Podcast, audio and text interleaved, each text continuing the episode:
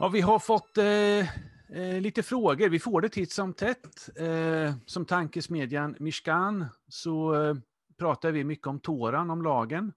Och eh, många av de diskussioner vi hamnar i handlar om att folk tycker vi har eh, eh, undvikit att ta tag i alla de texter i Nya Testamentet som verkar tala emot lagen, att lagen skulle finnas kvar efter att Jesus har dött sin korsdöd, återuppstått och eh, farit till himlen och sen utgjutit sin ande. Eh, att Jesu frälsande soningsverk på något sätt eliminerar lagen. Eh, och det är väl där vi inom Mishkan tvärtom menar på att de där tydliga passagerna, de finns egentligen inte. Man syftar både på Paulus brev men också mycket på Hebreerbrevet. När, man, när, när kristna ofta lyfter fram verser för att visa på att lagen är förbi. Eh, och i, i, här nu i det här korta avsnittet så tänkte jag eh, ge en liten introduktion till hur vi inom Mishkan tänker kring Hebreerbrevet. Eh, där vi i vår tolkning inte riktigt ser att Hebreerbrevets författare menar på att lagen har försvunnit eller haft sin tid eh, på grund av det som Jesus har gjort för oss. Eh, och det, det, första som kan vara värt att tänka på då, det är vilka stora teman som finns i Hebreerbrevet. Vad är det den författaren vill lyfta fram? Det är ju en diskussion, jag säger författaren, vem är det som har skrivit det? Alla är inte överens om det. Är det Paulus eller är det någon helt annan? Eh, så jag säger Hebreerbrevets författare. Troligtvis är det här ett brev som är skrivet på 60-talet efter Kristus. Eh, ett antal år precis innan det andra templet i Jerusalem förstörs. Eh, och det är någonting här i, i texten som avslöjar att mottagarna av brevet, eller läsarna, är bekymrade kring tempelkulten i Jerusalem, att de inte riktigt får tillgång till det, eller in, inte får vara med eller delta där, eller någonting åt det hållet. Eh, för ett bärande tema i brevet är att jämföra eh, Jerusalems tempeltjänst, den levitiska tempeltjänsten, och eh, den melkisediska eh, tempeltjänst, prästerliga tjänst som Jesus har utfört med sitt offer. Den aronitiska tempeltjänsten, den levitiska, den sker enligt brevets författare på jorden i Jerusalem, medan det Jesus har gjort har skett uppe i himlen, i det himmelska templet. Så det är två olika platser, jord och himmel.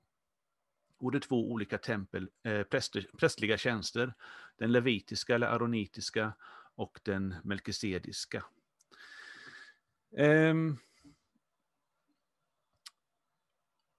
Och författaren försöker få läsarna att förstå att de ytterst sett inte behöver vara rädda om de inte skulle ha tillgång till tempeltjänsten i Jerusalem. För där så gör man ständiga offer, både varje dag och varje år, för att rena eh, det judiska folket från dess yttre köttsliga kötsliga eh, orenhet som är kopplad, skriver författaren, till oavsiktliga synder. Men den reningstjänsten kan inte gå på djupet och kan inte befria en människa helt från synd. Eh, eftersom den tempeltjänsten, eh, menar Hebreerbrevets författare på, inte täcker för avsiktliga synder, alltså för, för bortfall från Gud när man har gjort uppror eller rebellerat mot Gud. Eh, då krävs det ett bättre, ett annat offer. Och det här författaren menar att det offret har Jesus utfört. Ett offer som renar inte bara till det yttre utan människans samvete, säger författaren. Och med det så menar han, eller hon, det inre. Eh, människan renar helt igenom. Eh, så det gör att vad den kommande världen, det eviga livet anbelangar så behöver ingen frukta som har blivit döpt in i Jeshua, in i Messias Jesus. Ehm, tempeltjänsten på jorden kan inte nå så långt in i den kommande världen, in i det allra heligaste i templet, som författaren säger. Han använder templet som en metafor och beskriver att den nuvarande världen är eh, det heliga, det är den yttre delen av, av tabernakelkonstruktionen, medan den kommande världen är det heligaste, allra heligaste längst in där arken finns och försoningssätet. Och dit har vi inte kommit än rent historiskt. Eh, Översteprästen får gå in en gång om året dit och rena i templet i Jerusalem. Men eh, den, den, den första, första delen av templet står för den här världsordningen och det allra heligaste i, i templet på jorden symboliserar den kommande världen och dit har vi inte nått än. Och det är ett, också ett bärande tema i brevet att Hebreerbrevets författare uppmuntrar läsarna att hålla fast vid sin tro och inte tappa mod därför att eh, snart kommer den här verkligheten som Jesus har dött för att föra in oss i. En bättre ordning kallar författaren det vid ett tillfälle och vid ett annat tillfälle så säger han den kommande världen. Ehm, så att författaren visar då också att allt det här som Jesus ska uppfylla profetiskt. Allt det som Gud har lovat har inte riktigt kommit än, utan läsarna till brevet lever nu i en sorts eh, mellantid mellan korset och evigheten kan man säga. Ehm, och Det är här då som diskussionen uppstår för oss kristna. Är det så att lagen inte längre gäller i den här mellantiden fram till evigheten? Eh, det finns en hel del i Bibeln som indikerar, inte minst Jesu egna ord, att lagen faktiskt har ett slut. Eh, lagen kommer att upphöra och gälla när himmel och jord förgår. Och det är inte bara poesi, utan det finns då en tanke om att den här världen ska ta slut och sen ska det komma en kommande värld där alla levande varelser är så rakt igenom rena och hängivna åt Gud och så fyllda av Guds vilja och tåra så att det inte kommer behövas någon lag för att fastslå längre vad som är ont och gott. Människan kommer inte behöva vägledning för att urskilja ont från gott. Men det hör framtiden till. Så så länge som den här världsordningen består, så består också lagen. Och det visar Hebreerbrevets författare ett antal gånger när han, han eller hon eh, skriver om lagen. Framför allt så använder författaren presens, alltså den tidsform, om vi ska bli lite grammatiska här, som är nutid, någonting som fortfarande håller på, någonting som fortfarande sker. Eh, det står att lagen insätter svaga människor som överstepräster. Det står att blodet av bockar och tjurar och askan från en kviga kan stänkas på de orena och helgar till yttre renhet. Alltså det händer fortfarande. Och det finns de som bär fram offergåvor i templet enligt lagen. Så att eh, det är ett antal, eh, lagen också har en skuggbild. Och den som har förkastat Mose lag dör utan förbarmande. Det finns ingenting i de här angivelserna som indikerar att författaren menar på att så här var det förr, när lagen fortfarande gällde. Utan författaren skriver om Mose lag som att den fortfarande finns och fortfarande reglerar saker och fortfarande faktiskt eh, frambringar ett dödsstraff över de människor som brutalt bryter mot lagen. Ehm, sen finns det också mycket i hur författaren resonerar kring synd, som är svårt att förstå på ett annat sätt än att Toran fortfarande är författarens rättesnöre för vad som är ont och gott. Vi ska se vad vi har för, för termer. Vi har här, ja, Guds ord är levande och verksamt. Gud ska döma, och eh, kristna är människor som har fått sinnena skärpta till att skilja mellan gott och ont. Och kristna ska omvända sig från döda gärningar. Eh, den som gör gott eh, är en åker som bär skörd, som ger skörd och ska få välsignelse. Den som gör ont bär törnen och tistlar och ska få förbannelse. Så låt oss då lägga bort synden, säger författaren. Ehm, så författaren jobbar mycket med spänningsfältet mellan synd och helgelse, mellan att göra gott och att göra ont, och mellan att få välsignelse och få förbannelse. Och det här är ett mosaiskt språkbruk, det är direkt taget ur Mose lag, som visar på det som eh, chockerar en hel del kristna idag.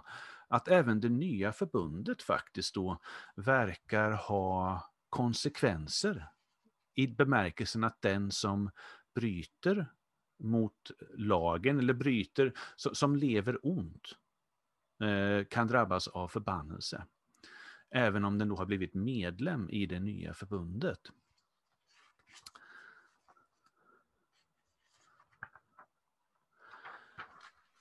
Men framför allt så är det så att Hebreerbrevets författare också eh, citerar Jeremia. Därifrån kommer profetian om att Gud ska lägga lagen i det judiska folkets bröst och han ska skriva den på deras hjärtan. Eh, vi har också profetier från Hesekiel om att eh, Israel ska få Guds ande och följa Guds bud och Guds stadgar. Och vi har eh, framförallt femte Mosebok 30, då det står att eh, Israel ska vända om till Herren, sin Gud, och lyda hans röst i allt som jag idag befaller dig, säger Mose. Eh, du ska på nytt lyssna till Herrens röst och följa alla hans bud som jag idag ger dig. De här profetiska löftena om att Israel en vacker dag ska följa lagen eh, kan omöjligen tolkas som någonting annat än de bud och föreskrifter och lagar som Mose ger, eh, som får sin kulmen i femte Mosebok. Och det är det här klustret av profetiska texter eh, som Hebreerbrevets författare syftar till eller citerar ifrån när han säger att Israels hus och Judahus ska få lagen inskrivna i sina hjärtan. Att de ska följa alla buden. Så eh, Hebreerbrevets författare kan inte riktigt syfta på någon ny Kristi lag eller Messias Tora som att det skulle vara någonting helt annat än det som Mose redan har befallt. Och här kommer vi kanske till själva Eh, den mest springande punkten, kärnan i vår förståelse, vår läsning av Hebreerbrevet som skiljer sig från den traditionella kristna hos de flesta samfunden idag. Det är att Hebreerbrevets författare pratar om ett nytt förbund. Och det är inte samma sak som en ny lag. Det visar profeterna, Jeremia till exempel bland annat, men alla, samtliga profeter, att lagen, ingen som förväntar sig att den ska försvinna. Utan tvärtom så handlar hela det vi kallar det gamla testamentet, Tanak, om det judiska folkets smärta av att inte kunna leva så som Gud vill, att så många faller ifrån. Det finns en liten kärna, en kvarleva i varje generation eller varje fas i Israels historia, men det stora flertalet verkar falla ifrån och profetierna handlar om att en vacker dag ska Gud själv eh, förvandla Israels situation så till den grad att Gud blir garanten för att hela Israel håller hela lagen. Och det är där som nya, eh, nya förbundet kommer in. Att Hebreerbrevets författare anspelar, han, han syftar på den kommande ordningen då lagen till fullo ska efterlevas.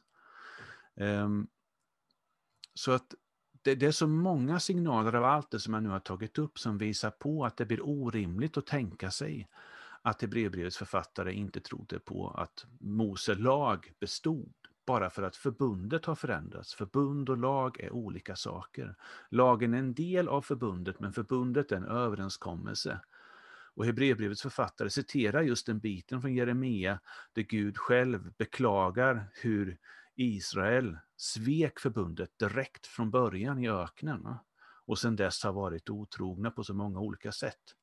Men den lag som sen ska skrivas in i israeliternas hjärtan är ändå samma lag, men förbundet ska förnyas. Avtalet mellan Gud och Israel ska förnyas. Och då ska Gud själv vara garanten för att Israel är laglydiga. Ett exempel på eh, de verser som brukar tas upp från Hebreerbrevet är 8.13 om att eh, det eh, mosaiska förbundet är föråldrat och nära att försvinna. Och Det är också lite lustigt hur man kan tolka det som att lagen har försvunnit. Dels så handlar versen om förbundet och inte om lagen. Och sen så står det att det är föråldrat och nära att försvinna det här eh, det grekiska ordet för föråldrat är samma som används i första kapitlet i Hebreerbrevet för att beskriva den här världen som är på väg att så att säga bytas ut som en åldrad värld. Men världen är fortfarande kvar och så även lagen och så även förbundet om man förstår från den här versen. Det står inte att förbundet har försvunnit eller dött eller bytts ut. Eh, men två andra verser här också som kan vara värda att nämna, det är 7.12 och 7.18. 7.12 lyder, för om prästtjänsten ändras måste också lagen ändras. Och då tolkar många det här som att men då har, prästtjänsten har ju ändrats och då har ju lagen ändrats. Det som är fascinerande är bara att hela kontexten i kapitel 7 där det handlar om det, att författaren försöker och det tydligaste beskriva att Jesus inte är en levitisk eller aronitisk präst som inte har, han har inte tjänstgjort i det jordiska templet. Eh, så att prästtjänsten har inte ändrats. Tempeltjänsten består och därför består också lagen. Jesus är en präst av en helt annan ordning, alltså finns det ingen konflikt. Eh, lagen har inte ändrats. Och eh, det finns det här ordet i den versen om prästtjänsten ändras. Det ordet ändras är också en eh, översättning som man ska vara lite försiktig med. För det ordet ändras i sin grundbetydelse eh, har också betydelsen av att flyttas från en plats till en annan. Så att om prästtjänsten flyttas, det vill säga från det jordiska templet till det himmelska templet, ja då måste också lagen flyttas Eh, från det jordiska templet till det himmelska templet. Men saken är den att det inte är aronitiska präster uppe i himlen, och det är därför heller inte den mosaiska lagen uppe i himlen. Utan vad författaren syftar på är att om prästertjänsten, liksom, det är inte på jorden vi är, utan vi måste så att säga, flytta upp våra tankar till det himmelska och se vad som händer där. Då ser vi att det är en helt annan prästtjänst och därför också en annan lag. Den lag som gäller i himlen är Jesaja 53. Det är den lidande tjänarens eh, tempeltjänst eller prästtjänst. Men sen så lyfter man också fram vers 18 där det står att så åsidosätts ett tidigare bud eftersom det var svagt och kraftlöst. Och där är det också lite problem med grekiskan hur man ser på det. Men det är en detaljerad diskussion som vi kan ta vid ett annat tillfälle. Men det som ändå är värt att lägga märke till är att det står att ett tidigare bud åsidosätts. Det står, diskussionen är alltså om budet kring prästerlig härkomst. Det är inte hela lagen som åsidosätts, utan det är på sin höjd ett enda bud. Och det kan också diskuteras om det tas bort eller inte. För det står att något annat förs in bredvid det. Så det skuffas åt sidan en aning och så kommer det in någonting annat bredvid som har ett större hopp. Men det står inte att budet stryks. Men även om man skulle gå med på en sån tolkning så är det ändå bara ett enda bud. Och då finns det i Hebreerbrevet ett belägg i sådana fall för att ett bud har strukits från hela lagen. Men samtidigt så visar författaren att med sina presensbeskrivningar av den pågående prästerliga tjänsten i Jerusalem så verkar inte författaren tänka så. För de offer som bärs fram i, i templet är verksamma. Det står att de kan rena till det yttre fortfarande. Så att eh, den helhetsläsning av Hebreerbrevet gör att de här eh, klassiska kristna tolkningarna av att lagen eh, får sitt slut, så att säga, tåran avskaffas genom Jesus. Och det är i alla fall inte ett budskap som Hebreerbrevets författare skulle hålla med om.